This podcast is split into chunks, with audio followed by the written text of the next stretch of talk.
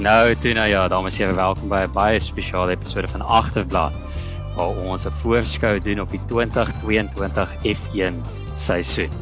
Nou, na laas jaar het ons een van die naas gekompeteerde kampioenskappe in jare gegee met kontroversie, reëlings, reëlveranderinge, moontlike aftredes en vele meer.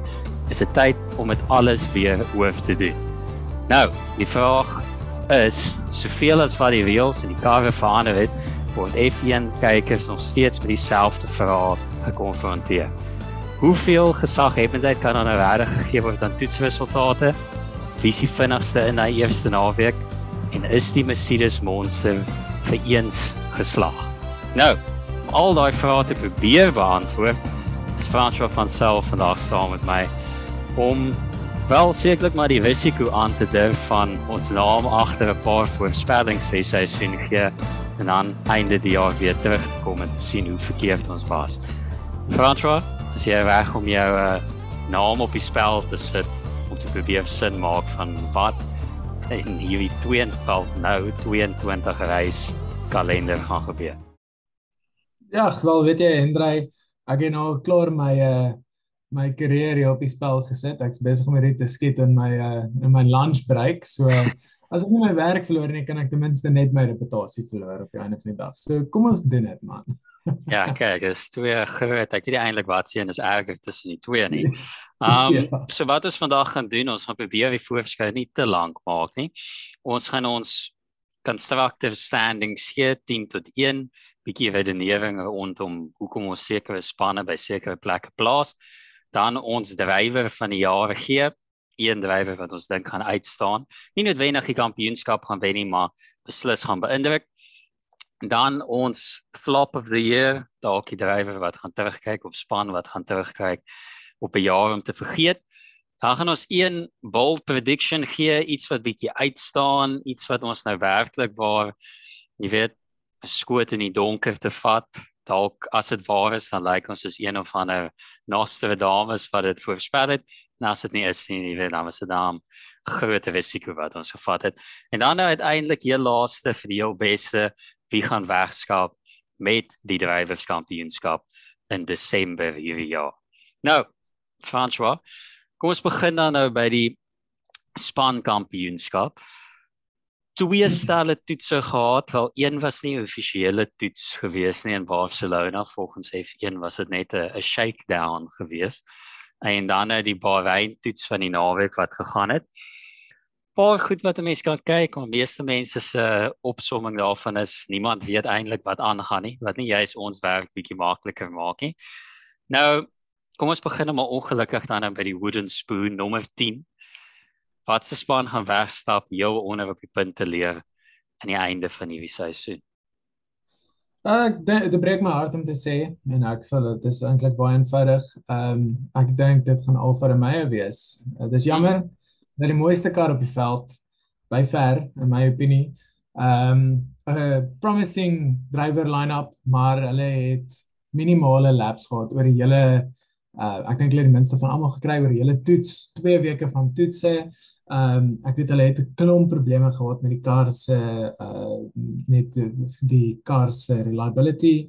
Um, en hulle pace was ook nie waar dit moet wees van die bietjie runs wat hulle gehad het nie. Ek hoop hulle kry dit uitgesorteer, maar ek dink teen die tyd wat hulle hulle probleme regtig um, kon aanspreek, sal dit waarskynlik bietjie te laat wees. So ek sou sê al vir my jou nommer 10.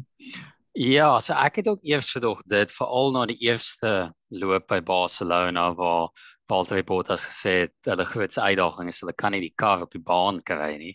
Um as jy kyk na hulle pace af van die laaste naweek hier in Bahrein, naweek wat nou verby is. Een lap pace lyk nog alright. Jy weet hulle op die C3 tyres was 0.2 sekondes weg van Hamilton se tyd, maar aan die ander kant dit is jy weet in vergelyking met bande of hulle was op die C5 die sagste bande Mercedes was op wat die ekwivalent is van mhm. medium bande. Hulle long pace like alright maar ek weet nie ek dink hulle het verbetering getoon. Hulle was bly om die kar op die veld te kry. Ek gaan bietjie verskil want ek het Williams op 10 um veral ek het eers gedog ek, ek het ingekom in 'n hierdie seisoen dat hulle half een van my dark horse kandidaate gaan hê nuwe eienaars Amerikaanse geld wat in die span invloei maar hulle het dieselfde probleme gehad as wat Alfa gehad het by die eerste ronde van toetse in die tweede ronde waar hulle kon nie eenvoudig net nie die kar op die baan kry nie en van die mense wat 'n bietjie die nommers gaan crunch het lyk dit asof hulle die stadigste uit die lot was uit die laaste naweek van toetse Um hmm. alhoewel hulle dit vroeg gedoen het toe die baan op sy warmste was.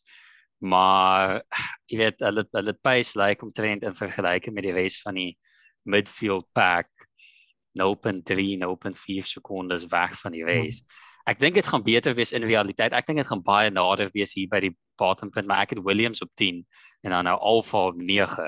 Um okay. ek het vir Alfa bietjie meer hoop gegee as dit. Bloot omdat hulle kar nie sukkel met gewigsprobleme tans nie.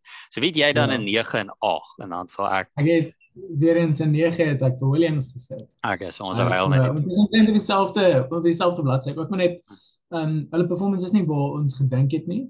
Um maar ek sal ook ek sal ook sê dis die grootste twyfel wat ek gehad het van al die spanne. Ek dink um ja, ek dink net dat Williams het die potensiaal met die pakket wat hulle het, die filosofie wat hulle volg, alles dui daartoe dat hulle eintlik 'n baie vinniger kar moet hê as wat daar is. Maar ongelukkig moet ons vir nou kyk na die data. So hopelik is ons verkeerd en ek is maar oor die Williams span en ek's bly dat hulle weer of in die mix probeer kom. Maar ehm um, ek hoop hulle kom verder op, maar ek sal eerder nou sê hulle is 9de en verkeerd wees as sê hulle is beter en dan sal hulle weer dieselfde gemors as wat hulle was in die 2020 en 2019 seisoene. Okay, nou weet jy dan op 8 bo hulle. Ek sê sê ek dink Haas. Ek dink hmm. nie Haas gaan daai groot sprong vat nie. Ehm um, hulle performance op die baan lyk baie beter as wat ons verwag het. Uh obviously die groot nuus was geweest dat Kevin Magnussen wat terug is, dankie tog daarvoor wat 'n fantastiese drywer. Um, dat dat hy eerste gevat het op die tweede dag van testing nou um, in Bahrain, maar ons moet onthou dit is toets. So daar is maar net miskien net sy voet neergesit en gesê kom ons kyk hoe vinnig maak ons hierdie kar. Ek dink hulle ja. het 'n spoedige pakket. Ek dink hulle gaan probleme hê met reliability en so aan. Dit is maar nog hulle nog altyd hulle issue gewees. Hulle het vir Mick wat so goed is wat hy is nog steeds in sy tweede seisoen is en die eerste keer is wat hy dalk meer kompeterende kar kan wees.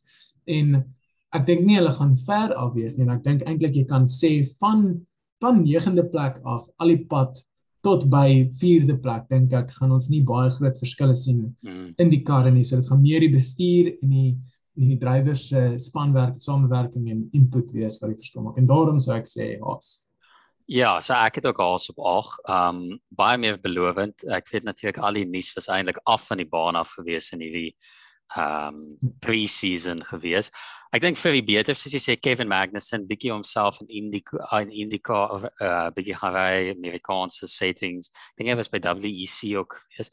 Wys eintlik die attraksie wat F1 het van hy het gesê toe hy loop, hy kom net terug as hy in 'n kampioenskap uh kompeterende kar is en natuurlik die eerste offer wat hy kry te kom hy terug. Ek dink daai jy weet atraksie wat jy het om een van 20 drywers in die hele wêreld te wees vir daai karrery is iets wat hom teruggebring het. Ek dink sy leierskap sou goed wees vir die span. Dis dan 'n span waarmee hy bekend is. Al die selfde ouens is omtrent nog daar, selfde leierskapstruktuur en hulle het uitgestaan maar hulle het mos nou ekstra ure gehad in hierdie naweek as gevolg van die feit dat hulle vliegtyg wat die paarte moes bring laat opgedaag het. Uh, As hulle nie 'n probleem gehad het ja. nie.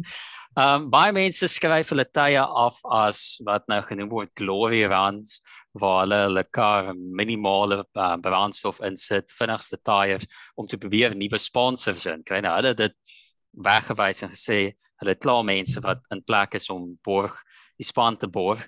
En wat mense sê af van dit is hulle 'n baie verbeterde kar. Nou jy sou hoop hulle het die ja. hele seisoen afgeskryf om dit te kry.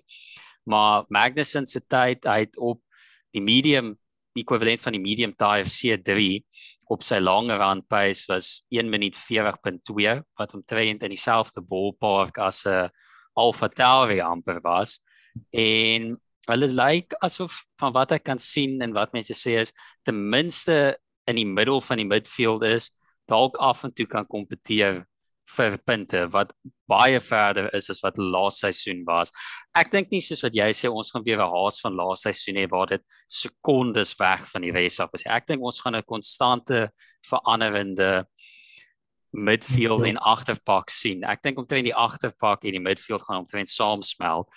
Want die ding ja. wat ons natuurlik nou het is met die salary cap en die feit dat swakker spanne meer tyd kry om in ligtunnels hulle karre te toets konstante verbetering gaan daar wees vir swakker karre om by te kom. So ek dink Haas lyk goed. Hm. Ja, ekskuus jammer. Agter in daai kar is al Ferrari engine en van die ja. data wat wys 20 horsepower op van laas jaar af. So dis 'n massiewe verskil. Dit is 'n massiewe voordeel vir die kleiner spanne om ook swets hulle karre te hê. Sien, dis hoekom ek Alfa bo Williams ook gesit het. Een van daai weer is ook want ek dink op baie bane gaan dit omdat hulle die aerodinamika tussen die agterste drie spanne nie so groot gaan wesenlike verskil gaan wees. Jy gaan daai engine baie groot verskil maak. En ek dink mense moet ook na Mick Schumacher kyk. Die tendensie van sy hele loopbaan is F3 tweede seisoen dit gewen, F2 tweede seisoen het gewen. Ek sê nou hy gaan die F1 kampioenskap wen, nie, maar ek dink hy gaan baie verbeter.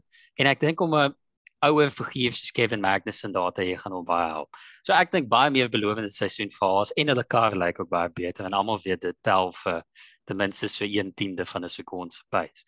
Okay. Gaan ek 7 en 6 gee en dan gooi jy met yes. So nommer 7 bietjie van 'n teleurstelling het ek vir Alpine. Um of Alpine. Uh nou baie mense sê ek het hulle bietjie afgeskryf bloot as gevolg van hoe hulle kar lyk like, na ons uh, bespreking of ons F1 livery ranglys waar hulle die ja. laaste ja. plek gekry het, maar ek weet nie of dit wenig of L plan nou al by mekaar gaan kom nie en ek worry of hy lank genoeg gaan bly om regtig, jy weet, die vrugte te pluk van wat Alonso in die ja. span in sit. Nou hy het uitgestaan op Saterdag aand, vinnigste tyd van die ehm um, van die dag gehad. Of die vierde vinnigste, daai tyd was die vinnigste toe laat want dit haas ook nog omdat hulle in die aand basis getoets het bolig. Ja. En hulle langer langer aan pace op die halfde band het ook baie goed gelyk om te wen in die ballpark bo Aston Martin se lange rand pace. Maar die probleem is weer eens baie min laps gedoen. En ek dink die derde minste uit almal uit en die ander twee was as gevolg van McLaren wat se brieke deel het aan die brand geslaan het en Haas wat nie 'n kar daar gehad het nie. So ja. uh, baie min data om af van te werf. Ek boost hulle omdat hulle drywers soos Fernando Alonso raai het wat so talentvol is en Esteban Ocon begin ook al hoe meer te verbeter. Maar ek wonder net Alonso het al homself gewys ek weet hy's bietjie 'n meer verantwoordelike ouer persoon nou maar hy's 'n ou wat baie frustreerd terwyl as hy sien daar is nie vordering wat gemaak word hy het gesê hmm. hy hou van hulle het hier teen die einde van die naweek meer data gekry wat vir hulle in 'n rigting kan toon maar hulle nuwe ehm um, span hoof het ook gesê hulle dink hulle gaan eers in die tweede helfte van die seisoen werklik waar 'n verskil ja. kan maak aan hoe die kar is. So ek het hulle op 7 Um en dan op 6 het ek Alpha Tauri op. Nou hulle het al uitgestaan in die toets. Uh ons eerste bietjie direkte, jy weet, racing gesien tussen twee spanne te Lewis en Gasly mekaar die hele tyd verbygeval het op die baan wat vir ons bietjie meer hoop gegee het op dat karre nader aan mekaar kan bly. Hy het gesê dis duidelik beter hulle het mekaar verbygevat 'n paar keer, hulle kon na aan mekaar gebly het en is definitief 'n verbetering en volgens Gasly sê hy dat die racing gaan baie meer van wees hierdie jaar. So dit is baie goed. En die voordeel waarmee hulle ook sit is hulle kry baie van hulle parte van Red Bull af. Ons gaan nou 'n bietjie later chat oor hulle, maar natuurlik dit gaan hulle baie meer help teenoor die res van die midfield spanne. Ek dink hulle sit met 'n belowende driver pair en Gasly gee my baie vertroue om hy kar hoof te plaas as wat dit eintlik werklik moet wees. Soos ek sê, hierdie midfield is baie na aan mekaar. Ek dink Alfa Tauri lyk goed. Die tye wat hulle gehad het lyk ook baie goed want natuurlik daar stop vier spanne wat baie van daai plekke gaan vat, maar hulle soos ek sê, hulle kry hulle engine gearbox, rear suspensie van Red Bull af. Sonoda het goed gelyk op die hardste tye. Gasly was in dieselfde ballpark as Mercedes. So ja, ek dink Alfa Tauri lyk belovend ek sou hulle effens hoof sit maar ek het 'n bietjie van 'n surprise switch nou en nou. So ja, 76 Alpine Alpha Tower. Interessant. ek sou saamstem met Sewe. Ek dink uh Alpine is definitief uh, hulle is uitgeknip vir spot. Ehm um, wel ek dink daar's baie potensiaal in die span, dink ek daar's nog verskriklik baie ontwikkelingswerk wat gedoen word en ehm um, hulle hulle is net nie op die pace nie. Ehm um, ek het ook net 'n massiewe gly in daai span gekry toe hulle daai monstrosity van hulle livery uitgerol het so ek is bereid om te sien hoe hulle verder voor is op hierdie stadium nie, maar ehm um, ja, die ek dink die grootste ding gaan maar wees is gaan Alonso geduldig genoeg wees om daai span te help bou of gaan hy besluit vroegtydig, weet jy wat, ag nee, my tyd verder mors met hulle nie. Ehm um, maar ja, ek, ek kan eintlik meer sê nee, dit perfek opgesom. Ek sou wel sê ehm um, sesde plek vir my uh dis 'n baie moeilike een, maar ek dink ek gaan Aston Martin daarin gooi. Ja. Ehm um, bloot omdat ek so hulle het hulle het 'n redelike stil tyd eintlik gehad. Die meeste mm. mense het 'n uh, meeste mense het 'n baie groot um, of 'n bietjie van 'n hype omdat hulle so stil was sê hulle maar onthou dit is Aston Martin. Hulle het nog altyd 'n redelike ander delivery gehad op testing en dan kom hulle uit en dan doen hulle baie goed soos wat Force India ook gedoen het in die ou dae swan maar ehm um, mens moet ook kyk ek dink Lance Stroll het die tweede minste laps oor testing gedoen oor die hele tydperk as ek nie verkeerd is nie of die derde. Dit is dat Ehm um, so dit is 'n groot probleem. Ek dink Seb Seb lyk meer gemaklik in die kar en van wat hy sê voel hy meer voel hy meer gemaklik. Maar ook daar was maar strit, groot strukturele veranderinge by hulle gewees hierdie jaar. Mens moet dit nie vergeet nie. Ehm um, en ek ek weet nie of hulle hulle kar se filosofie is so ver weg van byvoorbeeld iemand soos Mercedes wat hulle engine supplier is en wat van hulle ander komponente vir hulle uh vervaardig dat ek wonder of hulle filosofie op hulle aerodynamics dan gaan werk soos wat hulle wil hê dit moet. So net net bloot omdat ek nie weet nie, sou ek meer maklik Formule 1 6 te gooi. Ek kyk hulle aerodynamica is baie soos Mercedes in op die eerste naweek, die wire sidepods. Ja. So nou by Mercedes bietjie meer stil staan. Yes. Maar soos jy sê Aston Martin almal het ingekom met hoë verwagtinge want hulle het natuurlik baie goeie befondsing aan hulle kant en ja. met Lawrence Stroll en jy hoop dat iemand soos Lance nou nog verder stap neem met Sebastian Vettel bietjie meer sy vorm vind nou hierdie kar is baie meer gemaak vir hom met die groot fokus ja. op meer downforce meer geplante kar en ja, ja. mm, wat meer op sy Red Bull daar pas as wat die latere Ferrari jare omgepas het. Ehm um, hulle het ook die minste gesukkel om te wen met porpoising wat ons nou weer ook aan sal raak. En mm. van wat die resultate toon, hulle short run pace was een van die swakste in die hele grid um op soos 'n een ronde spoed om die baan. Maar hoe langer dit aangegaan het, hoe meer het hulle spoed verbeter met Sebastian Vettel sê hulle het een van die meer indrukwekkende lange runs gehad by die toetse met 'n average tyd van 1:39.98 wat hom hmm. bo Mercedes se lange run pace sit en hy het op die ja. C1s gedoen. Nou sê ek Aston Martin gaan beter wees as Mercedes nie regtig nie, maar dit dit blaas baie wat jy sê is so onbekend en ek het hulle dan nou op 5. Um so ek dis nou weer in se veiling tussen my en ons 6 en 5 rond. So ek aanneem ek gaan nou oor wat jou 5 is, maar ek het Aston Martin dan op 5 bloot op nog 'n voorspelling wat ek bietjie later gaan gee. Ek dink dit moet net vir hulle uitwerk. Dis baie meer in my kop van vir die aantal hype wat hulle insit, die brand wat hulle agter dit sit en die eienaar wat hulle het, dink ek gaan nou baie meer konstante veranderinge moet wees, baie druk op hulle wees om baie hoër in die midfield te wees teenoor sponsors Alpha Tauri. En ek dink net die befondsing wat hulle het en ek dink met hoe die drivers gaan aangaan, met hoe dit pas nou meer by Seb Vettel se dryfstyle. Ek het hulle dan op 5. So uh, seker reg om te sê dat jy dan Alpha Tauri op 5 het of jy die manne nog hoor. Ehm um, net net vir 'n side ehm um, ek sou baie gelukkig wees as Sebastian Vettel hierdie jaar die championship wen. Ek nou gooi dit maar net daar uit. So unlikely ja. as wat dit is. My hart wens daarvoor. So ek wens ek kon hoor sit. Maar ehm um, ja, ons is omgerou. My avataries is okay. uh, ek ek het die 5de. Ehm um, ek dink is wel weer eens belangrik om te sê. Ek dink op hierdie stadium ek, ek dink ook kan nog 'n gap wees tussen hierdie drie spanne wat nou wat 5de en uh 4de 5de 6de is. Um, en Alpine maar ek dink hierdie drie spanne gaan so naby wees. Ek kan ja. sien dat dit nie amper tot on the wire op die laaste reis weer uitkom soos wat dit was in 2020 tussen McLaren en um, wie was dit? McLaren Renault of was dit McLaren Ferrari geweest? Nee, dit was Ferrari nie. Dit was McLaren uh, Renault. Ek dink ja. Ehm um, waar hulle op die laaste reis is eers die die volgende bepaal het. Ek dink dit gaan baie naby wees tussen hulle en ek dis 'n goeie ding. Ehm um, maar ek sou sê AlphaTauri die rigting waar hulle gaan, die driver wat line-up hulle het, dis soos jy sê die Red Bull komponente, alles wat jy genoem het is is baie geldig, maar ek dink hulle gaan selfs nog 'n bietjie hoër opgaan. Ek dink van wat mense so stilweg begin kwytraak, dink hulle dat die AlphaTauri kar is baie anderster as wat meeste van die ander karre op die grid is. Ehm um, en hulle ontwerpsfilosofie en so aan en meeste mense dink hulle kan dalk net iets beter met dit.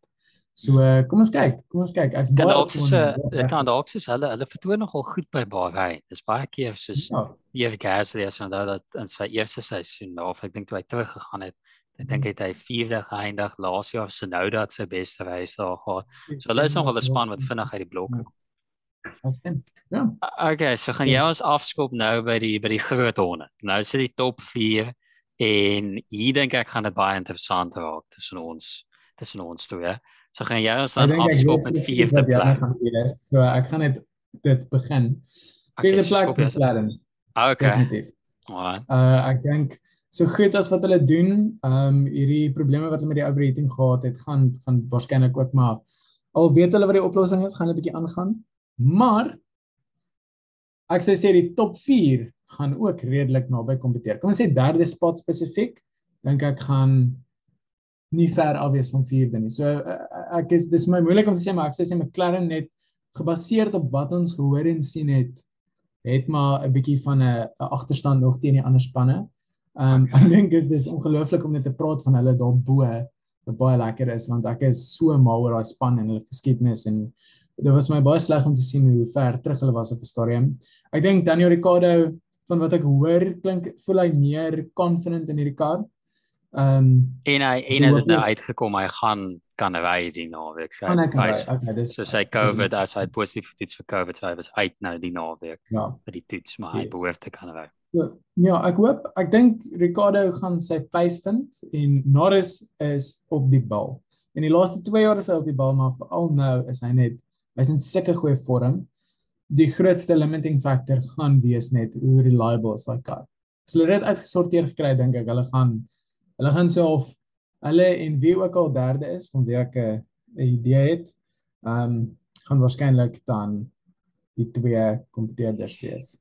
Kyk jy met weer die hype agter Navis is groot want die Nederlandse F1 Prima band, die Pitstop Boys, het 'n nuwe treffer uitgebring en dit het gegaan oor Lando Norris.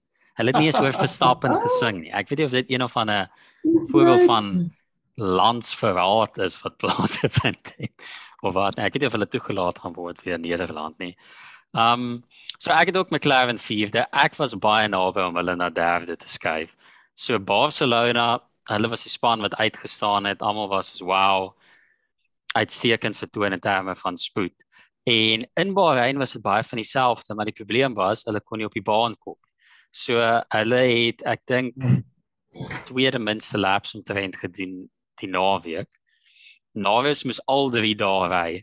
So ek weet nie of hy bietjie moeg is na die naweek nie.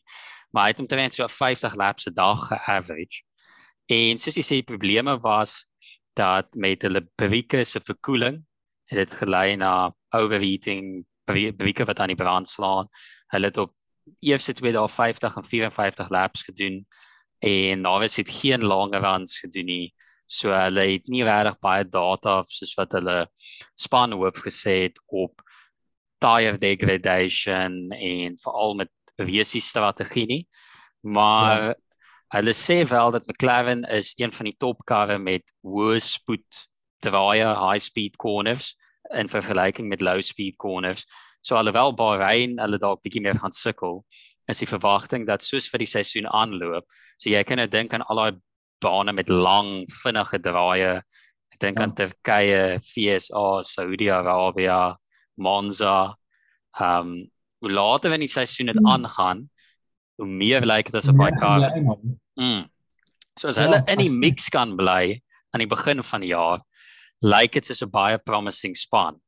Ek sê dat jy sê ek het die fout gemaak om laas oor Daniel Ricciardo as my drywer van die jaar voorspelling te gehad het. Dit het goed uitgewerk. En Lando Norris het so goed vertoon dat hy 'n nuwe 4 jaar kontrak gekry het. Ja. Ek dink hy gaan baie goed in die seisoen. En as dit nie was vir my voorspelling wat nou gaan kom wat op geskiedenis gebaseer is nie, al die data skree dat McLaren in die top 3 is maar as gevolg van my verwagtinge op die span wat nou na gaan kom, kan ek dit doen nie. Alhoewel ek dink een van die twee McLaren boys en is heel waarskynlik sekerlik Norris as hy sy vorm hou, gaan 'n outside contender wees. Hoef jy spoiler wees. Ek dink so, ek dink hy gaan half in die spoiler rol wees van hier teen die einde van die seisoen gaan hy half die outsider wees. Maar ons sal sien probleem is hardloop om te kry vir daai. Dit sal fantasties wees. Mm. So uh okay, dan nommer 3. Dan nou raak dit baie interessant om te hoor wat hier gaan sê. Ehm um, ek dink aanvanklik, kom ons sê eerste 4 reise gaan dit Mercedes wees. Wat? ek dink na dit gaan Mercedes die vloer vee met almal daar. Ehm um, okay. Wow, so, wow, wow. Kom ons sê einde van die seisoen dink ek Mercedes gaan dit weer vat. Begin okay, van die seisoen gaan bewys of dit waar is of nie. Okay, so wie jy dan uh, op 3 aan die einde van die seisoen. Dis die voorspelling. Nou kom die naam op die lyn. Wie gaan nommer 3 wees einde van die jaar? Ehm um, Dis 'n moeilike een hè. Kom nou, nou maak jy die big bucks. Wow, okay. Okay. Uh so goed as wat Red Bull is, Ferrari Ferrari is quietly confident en al die spanne op die grid wys vir hulle aan dat hulle hoër gaan wees as derde plek. Mercedes het ook almal niemand is bereid om te glo dat Mercedes nie die pace het wat hulle of hulle voel hulle steek pace weg en ehm um, gebaseer op van die tegniese reviews wat ek gekyk het op uh, uh wat wat hulle oor praat vir die Mercedes karre as daar nie cooling is is op daai kar nie is hy veronderstel om blits vinnig te wees om daai baan. En hoewel Red Bull ehm um, Red Bull meer kompeterende tye neergesit en so aan deur testing en hulle het baie goeie reliability gehad ensovoorts. Ehm um, ek weet nie of hulle veral power unit gewys omdat hulle nie tes in die ontwikkelingsfase van dit nog en nou natuurlik ons onder die freezes en so aan maar daar's nog steeds 'n bietjie van 'n uh kom ons sê 'n uh, agterstand wat hulle gaan hê teen die ander twee en ek dink dit gaan 'n groter verskil maak. So ek sou sê Red Bull derde. Die ander rede daarvoor, uh, skus jammer dat ek dit ook net ingooi. Ehm um, dit is 'n uh, erge tyd, maar ek dink ehm um, Perez gaan ook punte verloor teen al die ander drywers wat boom gaan wees in die ah, Ferrari spanne en in die Mercedes spanne. Ehm um, hoewel hy goed is, dink ek nie hy gaan kom as hulle in so, redelik naby. Ons sê jy om rank in die top 6 tussen Ferrari, Red Bull en Mercedes. Oh wow, ja, okay. Ja. Okay. So ek sê sê ek dink tussen Perez en hulle engine issues mag hulle dalk net derde kom. Verstappen gaan waarskynlik nog steeds gaan ehm um, vir die drivers championship kan kompeteer, maar die span dink ek gaan derde kom. Okay, so jy het Red Bull derde einde van die seisoen. Nou is ons eerste ja. kontroversiële uh mening om die een. So. Ek weet jy gaan terugkom om my te byt. En ek weet jy wie klip gaan gespeel word aan die einde van die seisoen. Gaan jy deel waarskynlik vir my stuur met #blazedby. Maar dit moet een of ander tyd gebeur. Elke liewe empire val, elke liewe dominerende span kom tot 'n einde. En van wat ek kan sien, dink ek dit gaan die jaar hulle wees. Nou ek sê dit, ek sit hulle derde, so ek en Mercedes derde. Nou ek sê hierdie, maar ek dink hulle gaan nog steeds kompeteer reg tot die einde. Ek dink nog steeds Lewis gaan in die mix wees vir die drivers kampioenskap, soos top 2 ja. dalk, top 3. En ek dink net die agterstand wat hulle gaan hê in die eerste stuk van die seisoen gaan hulle kos. En 'n ander voorspelling wat ek later gaan gee maar ek dink Mercedes gaan op derde kom. So hier's al hier's al die feite wat ek net myself probeer. Jy kan half sê ek probeer myself oortuig. So net voor ons daarby kom, ons het bietjie gepraat oor porpoising. Jy weet vir dit, soos wat jy genoem het, half vir dolfyns se neefie swem soos dit die kar op op en af. So as gevolg van die kar wat meer ground effect is om meer aerodinamika en downforce te kry. Die onderkant van die kar is baie meer soos wat 'n flare voor is om Ja. Dit trek die onderkant van die kar nader aan die pad om meer downforce te kry vinniger om die draaie ensovoorts. Nou as gevolg van die hoeveelheid wat dit afgetrek word, kom dit nader aan die pad. Dit skaal dit skep dalk 'n 'n stuk dit reg teen aan die pad is. Daar's geen lug wat deurvloei nie. Dan trek dit weer die kar as gevolg van geen downforce, as gevolg van dit wat letterlik op die pad is, trek die suspensie van die kar dit weer op en so gaan dit op en af, op en af, op en af. Die probleem kom met DRS is dit minder en as jy die ride height, die rithoogte van die kar verander, is dit beter, maar dan die minder downforce in dat draaie. Nou die probleem met Mercedes wat almal sê dit is dit het baie meer porpoising as byvoorbeeld Red Bull en Ferrari en hulle kon nog nie op 'n manier kry om dit uit te sorteer.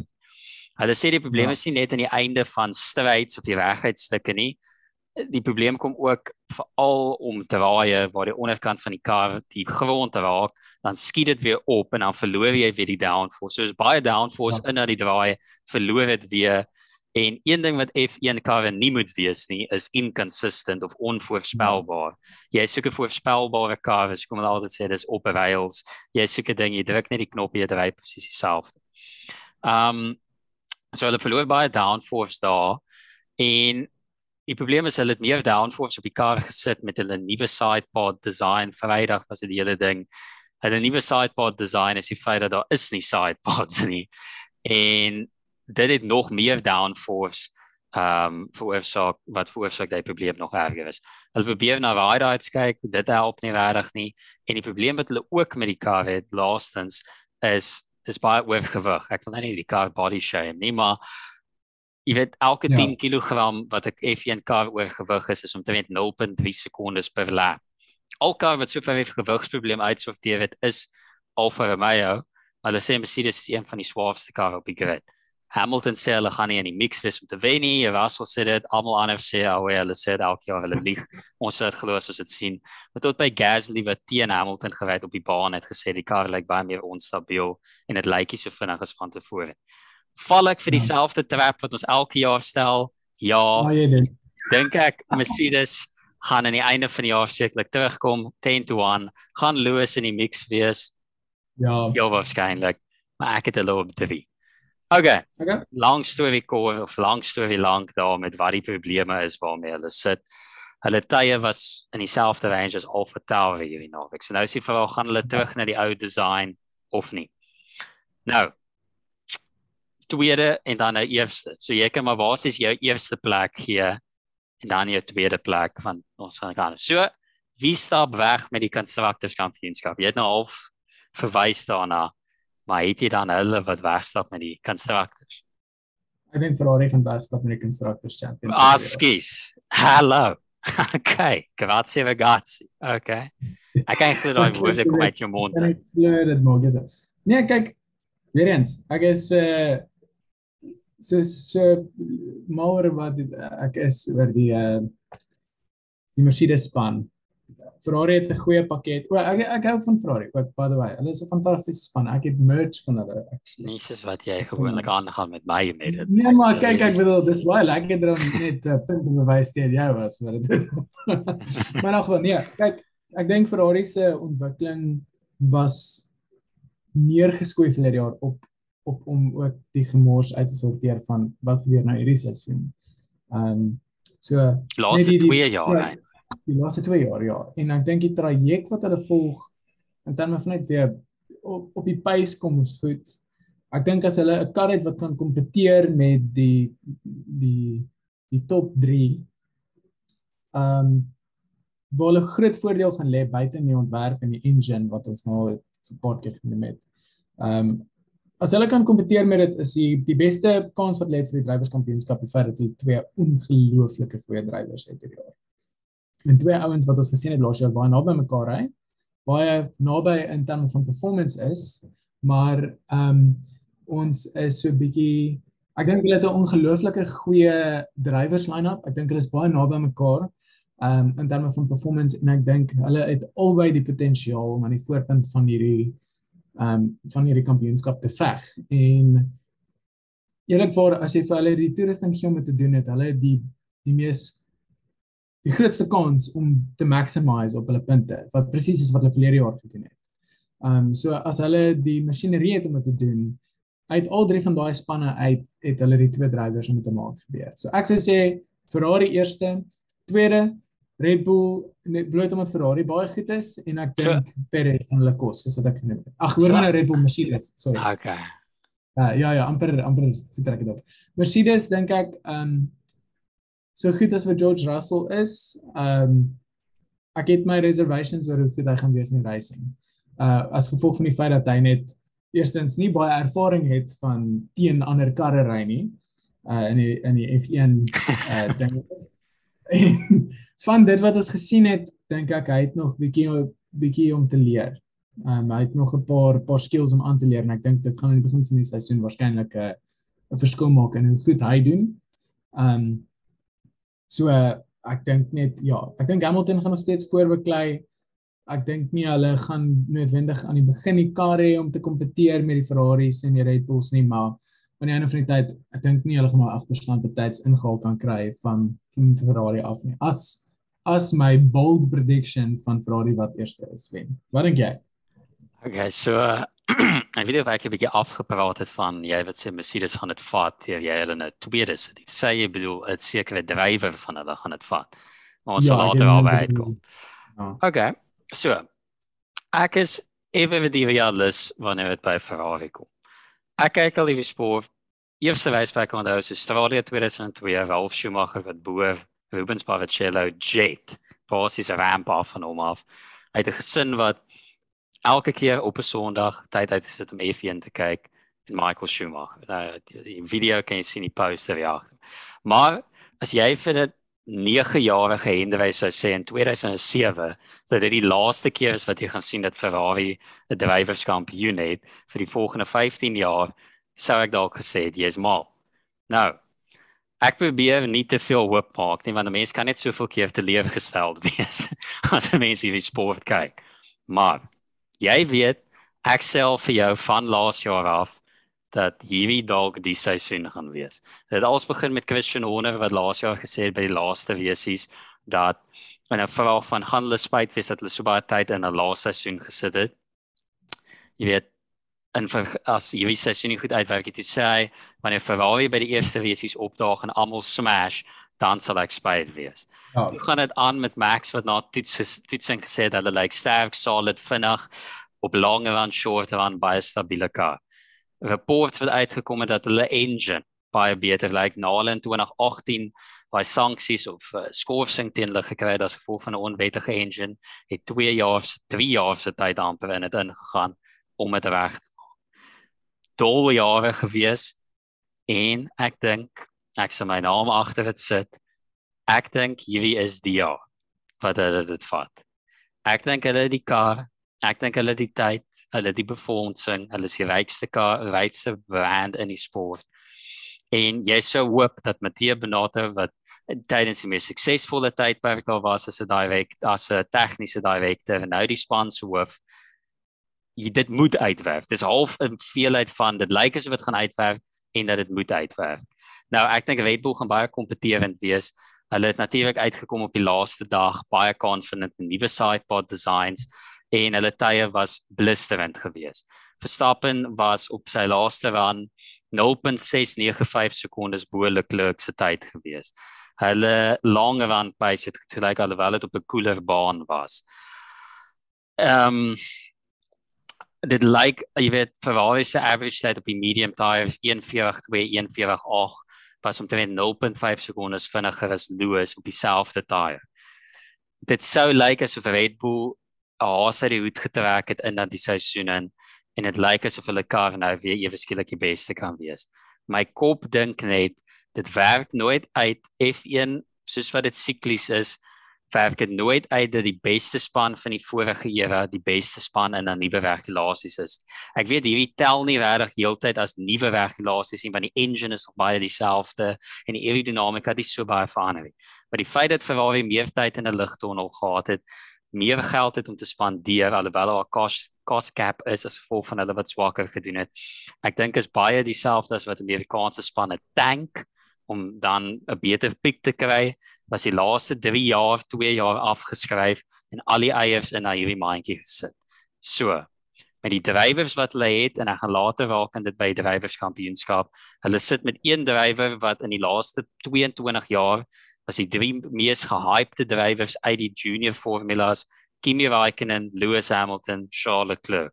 Almal se oort in 2016 of was dit nou 17 17 oopgegaan met 'n F2 race in Bahrein waar hy skoonskip gemaak het van dit. Almal het gesê dis die mees talentvolste drywer vanaf Lewis uitgekom het om in dit te wees. Hulle het 'n goeie backup driver. Ek weet nie hoe die dinamika tussen die twee gaan werk nie. Maar ek gaan myself opset vir teleurstelling. Maar ek dink grazie ragazzi so pad. Die rooi gevaar, die rooi plan. 2022 vir die eerste constructors kampioenskap vanaf 2008. Dink ek gaan Ferrari dit vat met Red Bull in tweede. En bloot jy weet hoe kom ek Red Bull in tweede sit is dat ek vertrou meer vir Carlos Sainz as wat ek Sergio Perez veral op 'n Saterdag. En 'n Saterdag waar volgens Will Buxton op Drive to Survive is dit al wat saak maak. Maar dit is belangrik en ek dink hulle gaan dit vat. Gaan ek teleurgesteld wees 100%. Ja. gaan hulle een of ander manier kry om dit op te morf soos altyd heel waarskynlik.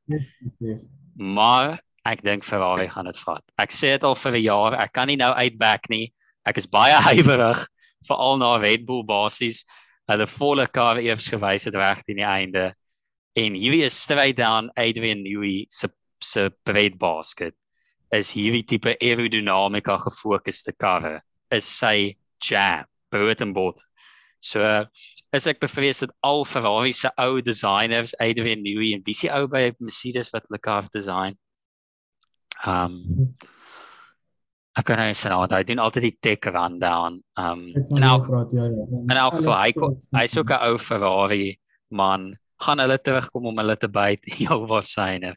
Heel waarskynlik, maar ja, ek dink Ferrari gaan hulle eerste constructors vanaf 2008 kry. En ja. ek sal nou nou raak of hulle die eerste drywerskampioenskap gaan kry. Ja.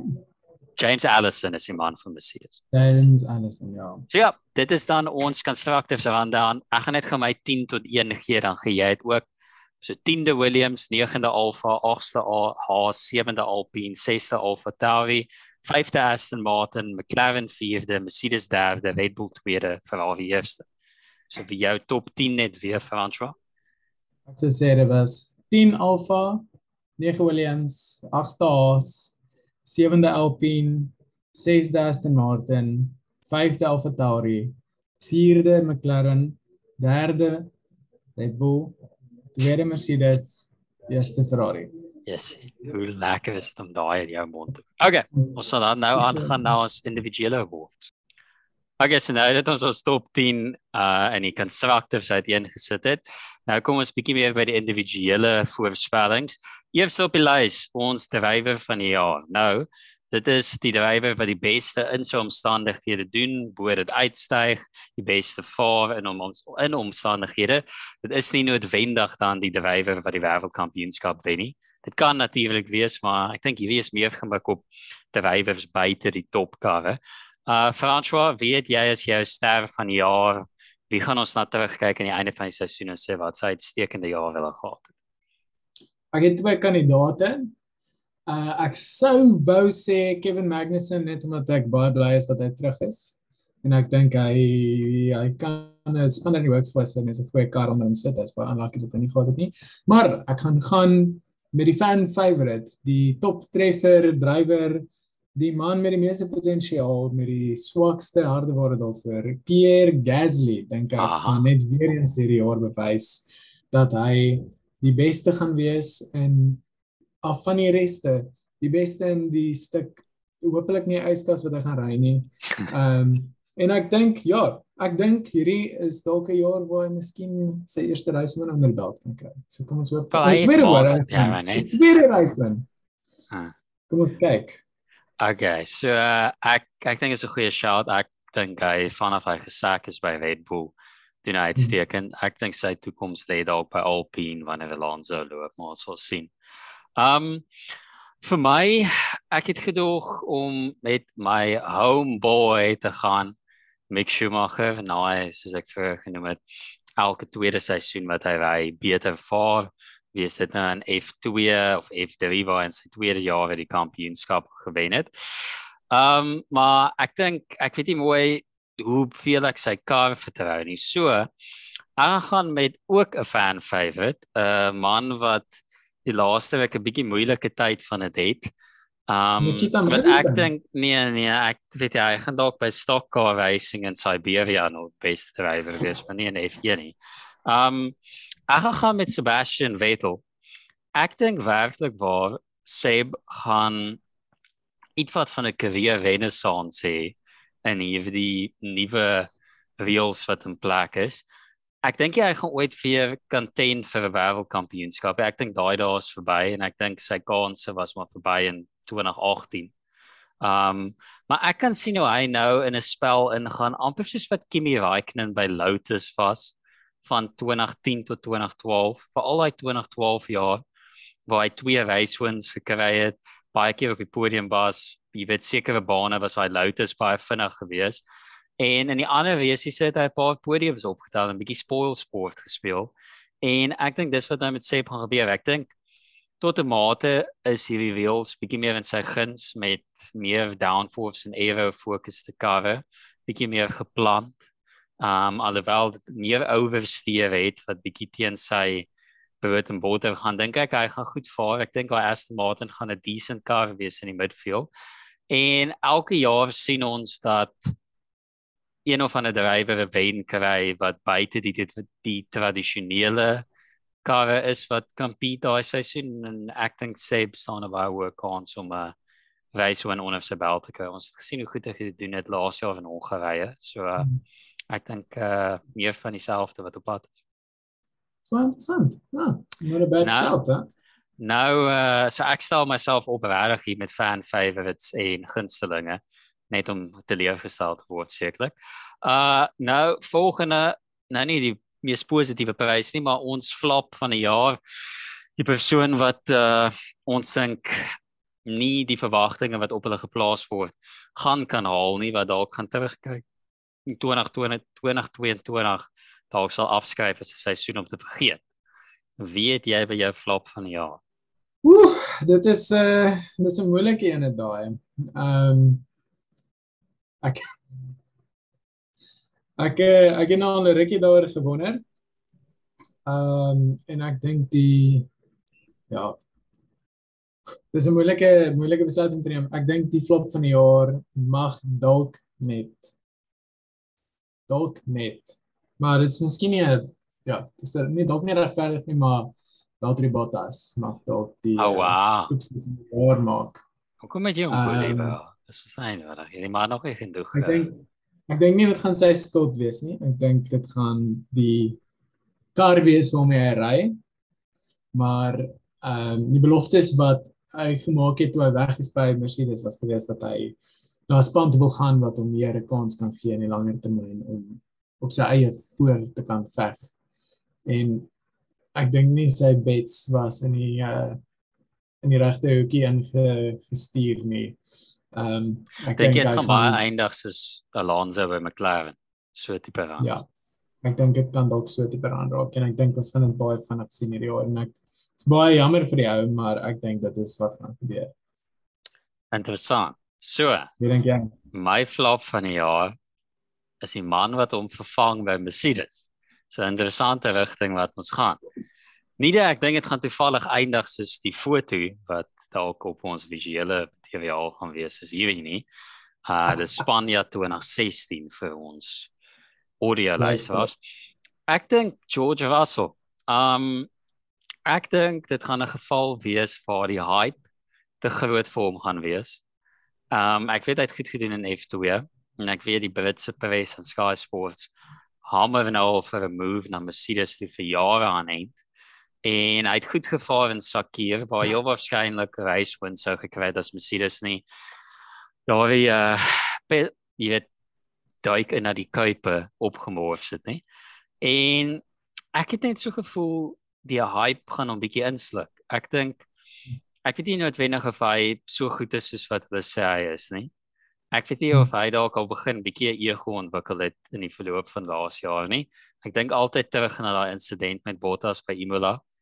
Waar hy al vir die idee gehad het ja, hy dalk net as prins my vasgryf en hy's bang ek gaan sy sitplek vat. Ja. Hy's baie adamant op ja, hy's reg om vir 'n span te ry wat compete en als. Dis ou wat menigte kanse om punte te kry het in Williams. Baie keer gechoke het wat mense nie eintlik onthou nie ek dink aan die Imola die jaar voor het waar hy net uitgespin het onder 'n safety car byvoorbeeld. En ek dink daar was hierdie verwagting dat hy of soos Lewis met Alonso gedoen het in 2007 gaan inkom en hom bietjie van sy van sy stoel afgooi. Nou ek dink dit gaan gebeur. Ek dink hy gaan sukkel teen Lewis. Ek dink Lewis gaan hom bietjie oorhand sit. En ek dink nie hy gaan up there wees waar Mercedes verwag hy gaan wees. Ek kan baie sien hoe sy seisoen verloop soos wat Sergio Perez in laas jaar het. Ja. En ek weet nie of hy eers beter was Carlos Sainz in die Ferrari gaan doen nie. So uh, ek gaan met George Russell. Ek dink nie dink ek hy kan 'n baie goeie drywer wees. Ja, ek dink hy kan uitstekend wees. Ek dink net nie hy is nou al op die vlak wat baie mense hom uitmaak om te wees. En ja. So ja, dalk net so Carlos Sainz verby sy my hawe bly verkeerd. Ek het laas ook gesê Sainz gaan sukkel by Ferrari en kyk wat dit daar gebeur. So ek baie baie maklik dat uh, nie gebeur dat dit gebeur. Nou dat jy dit so noem, ek ek wil eintlik al vir 'n ekstra hoed en dit nou dat jy dit so jy's so vir Fraser. Ek dink by die ster van die jaar net is dalk nie bang wees om te sien hoe Carlos Sainz ons almal verbaas en vir 'n bietjie skoonskip maak met sy spanmaat eh, Charlie Leclerc nie. Daar's baie joernaliste wat hom predik om wêreldkampioen te word hoor. Ek dink nie hulle kan as Ferrari die dinges is die kar het maar nog vol. Dis my shout vir ehm um, kom ons sê dis nee, ek verander dit. Gasly, sure, hy gaan oulik wees. Ek dink Carlos Sainz gaan die uitblinker wees vir die jaar. Aha. Okay. Ek verander dit toe jy dit nou sê toe besef ek weet jy dit is wat ek wil besluit. Ja, dit is interessant. Ons nou ons drywers die opset van die F1 seisoen in 2022. Ek uh, ek sien hom meer as top van die klas in die tweede klas. Tussen Sainz, oh. Russell en Perez dink ek hy is meer in die boonste klas tussen daai lot. Okay, dan nou is dit kans vir ons nou wel nie dat ons nou juist by die ander dele 100% akuraat sou wees, maar nou kan ons bietjie jy weet valhalsig gewees met ons voorspellings, met ons bold predictions, ons voorspellings wat bietjie ja. out there is, bietjie buite die norm. Iets om uh, 'n uh, flyer op te vat as mense dit so wil sê. So is daar enigiets wat uh jy vir ons wil gee wat die manne dalk daar Volvo odds het, dalk 'n oulike ou paar randjies kan opsit, dalk 'n miljonair word as dit waar is. Uh, ek weet Mazepin vir die kampioenskap is nie meer daar nie, maar ja. Ja, is nou. Oh, ek bedoel dit sou 'n behoorlike hard tyd wees as om nog steeds vir Mazepin in te gaan as die wêreldkampioen. Ek uh, ek het 'n robbe in 'n keer hierdie hierdie jaar. Ek het besluit om okay. my my stakes bietjie op te stem. Ek dink Sebastian Vettel en Lewis Hamilton gaan retire aan die einde van die jaar. Albei. Wow. Albei. Okay. Ek dink dit is Lewis se laaste seisoen in F1, maar dis ook wat gebeur nie. Uh of hy nou wen of verloor, ek dink hy's klaar en ek dink nie Sep gaan langer bly nie. Ja, ek kyk Sep dink baie mense voorspel dit want sy kontrak is op einde van die jaar. Ja. Yep. So sou hy presies man. Ah. So daai van daai Mike dropped. Dink jy Lewis loop einde van die jaar? Ek dink Lewis gaan loop einde van die jaar. Dink jy is as gevolg van hy wat half daarmee geflirt het in hierdie laaste halfseisoen?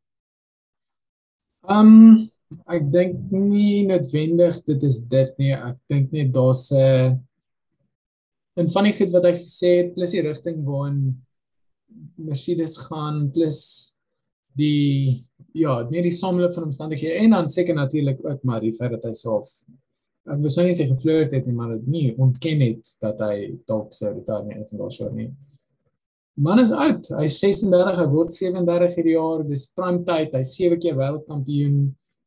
As hy sien die vaandel word aangepas, dink ek nie daar's meer 'n vir hom 'n rede om in sport te bly nie. dink hy's te kompeterend om in 'n midfield span te gaan beklein ontwikkeling te doen van drywers vir op plaas. Ek dink hy het ander prioriteite wat hy eerder vir dit sal sit. So ek dink ek dink sy as hy die agste kampioenskap vat, het hy sy doel bereik om die beste van alle tye te wees. Sê wat jy wil daaroor. Maar as hy nie doen nie, dan sal hy miskien nie die mantel ophang. Ek dink sy brand is te groot om in midfield cover te ry. Hy is te groot internasionale ster om nie voordeel te neem. Ja. Okay, wel. Hm. Boom. ek kan nie daai in verwag. My bold prediction was een ek dink Alonso gaan loop, maar ek weet nie hoe bold dit regtig is nie. Ek kan net nie sien hoe hy bly weer om vas te sit in die middel van die veld. Maar aan die ander kant wat het hy om te doen buite racing? Ek dink hy gaan nog steeds gaan ry. Hy gaan net dalk IndyCar voltyds gaan doen of iets soos dit. Ek ehm um, ja, ek sien nie hoe uh, hoe hy sal bly nie. My bold prediction was dat Seb Vettel die jaar resies gaan wen. Um dit's dit's like nou aan by my driver of the year. Ek weet ook nie hoe bold dit eintlik is. Joune is out there soos Kyk, ek het gedink Lewis gaan laas jaar loop as hy die kampioenskap sou wen. Ek het dit vir menigte keer gesê. Ek het gedink ja. hoekom sou hy die risiko vat om met nuwe regulasies kom kom ry as hy dan nie agste een het. Okay, ja. so ek dink Seb gaan 'n resies wen. Meer as twee podiums hê die jaar. Um baie soos Kimi se Lotus jaar in 2012. Um ek probeer dink of ek nou nog een het om dalk in die in die in die kring in te gooi. Stywer in die armbeer te gooi. Mm. Maar ek weet nie mooi wat dit sou wees nie. Ek ek wou ek het gedink om iets wil te gaan soos Mick Schumacher wat 'n podium kry die jaar, maar ek weet nie of ek haas so baie vertrou nie. Dit is een of ander Ja. Jy sê soos FSA FSA 2005 nodig, jy waar daar net so 6 karre deel nie. nie wees. Um ek dink of dit of dalk dat hy daai Ferrari sitplek gaan vat, maar ek weet ek dink ek sal. So ek gaan bly by Seb wat dan 'n resies weet. Ja, ek ek weet nie hoe bold dit reg is nie, maar. Dis bold. Dis bold. Ek bedoel vir ons Aston Martin gery het, is dit nog nie juist die maklikste ding om te doen nie. Okay, hier's 'n vraag vir jou wat dalk aansluit by die bold prediction. As Lewis loop, wie kry hulle in sy plek? Pierre Gasly. Rare. Wow, ek het nog op gedink Gasly. Ek, ek dink nie hulle sal vir Ocon trek nie, alhoewel hy 'n uh, 'n uh, 'n uh, goeie drywer is vir hulle. Ek dink hy is op dieselfde vlak. Hy's nie op die vlak van Pierre Gasly nie. Pierre Gasly is 'n logiese volgende keuse vir enige groot span om op te snap. Buite buite enigiemand. Ek bedoel, ek sou sê Lando het 'n kans, maar met Lando gaan jy sit met die probleem van 'n uh, Hamilton Rosberg probleem of jy gaan sit met die feit net ook dat hy 'n 4 jaar kontrak geteken het by McLaren. So hy is van die mark af. Realisties, Gasly het die ervaring daarvoor en hy het die ehm um, hy die die pace daarvoor. Ek sou sê dit is die mees logiese antwoord. Ek het al gedink ehm um, dat die ander ou wat in die mix is, maar ek weet nie tot wanneer sy kontrak is. Ek wonder of dit ook die jaar klaar maak nie om half daai brand te vervang maar ek dink jy Russell is noodwendig daai ou wat fans lok nie maar jy gaan 'n baie groot gedeelte aanhangers wat net verloor kyk verloor ek het gedink Danny hmm. Ricciardo as McLaren nie uitwerk nie kan ek sien hoe hy weer op um, so is die drywer daai ek weet nie of dit pas in hulle plan nie hmm. ek het gedink hy dalk as ek dink hy is die brand om dit te doen. Ek dink net ja, hy sou um, ek dink hulle sou nog steeds Russell as hy as hy prioriteit vat. Maar Gasly is ek sou Gasly vat. Ek dink ja. Ricardo staan 'n kans, maar ek weet ook nie as hy nie by McLaren gaan perform nie, hoekom sal hulle dan Merc toe vat? Ek ja. dink net vir die brand en die exposure. So, ja, dink net ook so daaraan, né? Wat is die beste manier om uh, vir Red Bull uh net 'n vinnige 'n voetjie te fluit. Ons vergeet. Dis 'n kampioenskap met die drywer wat hulle gefire het. O oh, ja, dis so waar. So, ja. Nou, nou is ons by die die business end. Geld maak ja. tyd. Al die chips op die tafel opskuif. Ons drywerskampioenskap. Gaan ons dit hou by ons top 3. Uh ah, in die drywerskampioenskap. Top 3 van die drywers. Kom ons uh, doen dit. Okay, so derde plek. Ja, Carlos Sainz. Ek dink in die ah. tweede plek dink ek dit gaan Max wees en ek dink nommer 1 gaan dit Lewis. Ah. Lewis is dit dat ek bedoel Hamilton wees. Liberalize wat ook baie. Liberalize ja, daar. Ek dink die regverdigste ding is omdat hy 'n nuwe naam gaan kry om die kampioenskappe wat voor dit was net weg. Nou hulle kom net weer ja, hy begin weer by een. Maar hy hy's op 'n ander naam. So soos as jy 'n save ja. file reset en nuwe career mode begin in F1 ja. again. Ja. Um, ja ek sê jy dink Louis vat nommer 8 ja. en ry in na die sunset. Ja. Wie dink jy? Mm. Wel, ek sê dit nog altyd, ek het my jy weet, naam op die lyn gesit deur te sê hy is op dieselfde vlak, geen net vir die money car. So ek het in derde Lewis. Ek dink hy gaan 'n late charge maak. Ek dink hy gaan nog steeds in contention wees vir die kampioenskap. Baie soos wat hy was in 2010, was dit 2010 toe daar vier drywers het gewen, het hy en Jensen en Fernando en Seb. Ek dink hy gaan out there wees. Ek dink die begin van die seisoen gaan 'n bietjie kos. Ja. Ek dink Max gaan tweede wees. Um ek dink hy gaan ja. die main contender in dit wees. En dan gaan ons 'n nuwe wêreldkampioen hê. En dit gaan een Charles Leclerc. Hy's op dieselfde klas as Max en Lewis. Ek sê dit al vanmôre ons het gesien in 2019 in Oostenryk toe hy en Max te mekaar gery het.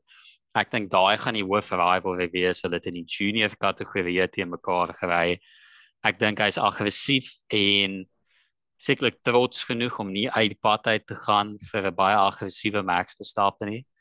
Ek dink as Ferrari die kar het, gaan hy die ou wees om te perform. Ek dink laas jaar waar hy agter Carlos Sainz geëindig het, kan hom is baie toeskryf tot Ferrari wat baie interessante strategieë met hom probeer het en 'n ja. fair share van jy weet ongelukkig wees met van die goed wat gebeur het nie dat ek sê hy was perfek gewees nie, maar ek dink hy is 'n meer talentvolle drywer as Carlos Sainz. Ek ja. dink hy is 'n generational talent soos wat Lewis en Kimi was toe hulle uitgekom het tot 'n mate Max. Alhoewel daai tyd was hy nie, ek dink hy was toe al F2 te Max uitgekom het nie, maar gekom het ja, nie. Mm, en ek dink hy's in dieselfde klas en ek dink is nou al vir jare wat hulle voorberei dat hy die top ou daar is. En ek dink dis die jaar wat hy het vat dat ons 2 jaar in 'n ry 'n nuwe wêreldkampioen het. Dat ek ons eerste Ferrari kampioen het vanaf 2007. Hmm, dit sal my of Lewis of Leclerc wen enigiemand van hulle sal vir my heeltemal aanvaarbaar wees, maar ja, ek ek sê hulle 'n rooi kar sien as daai donderse blou ding.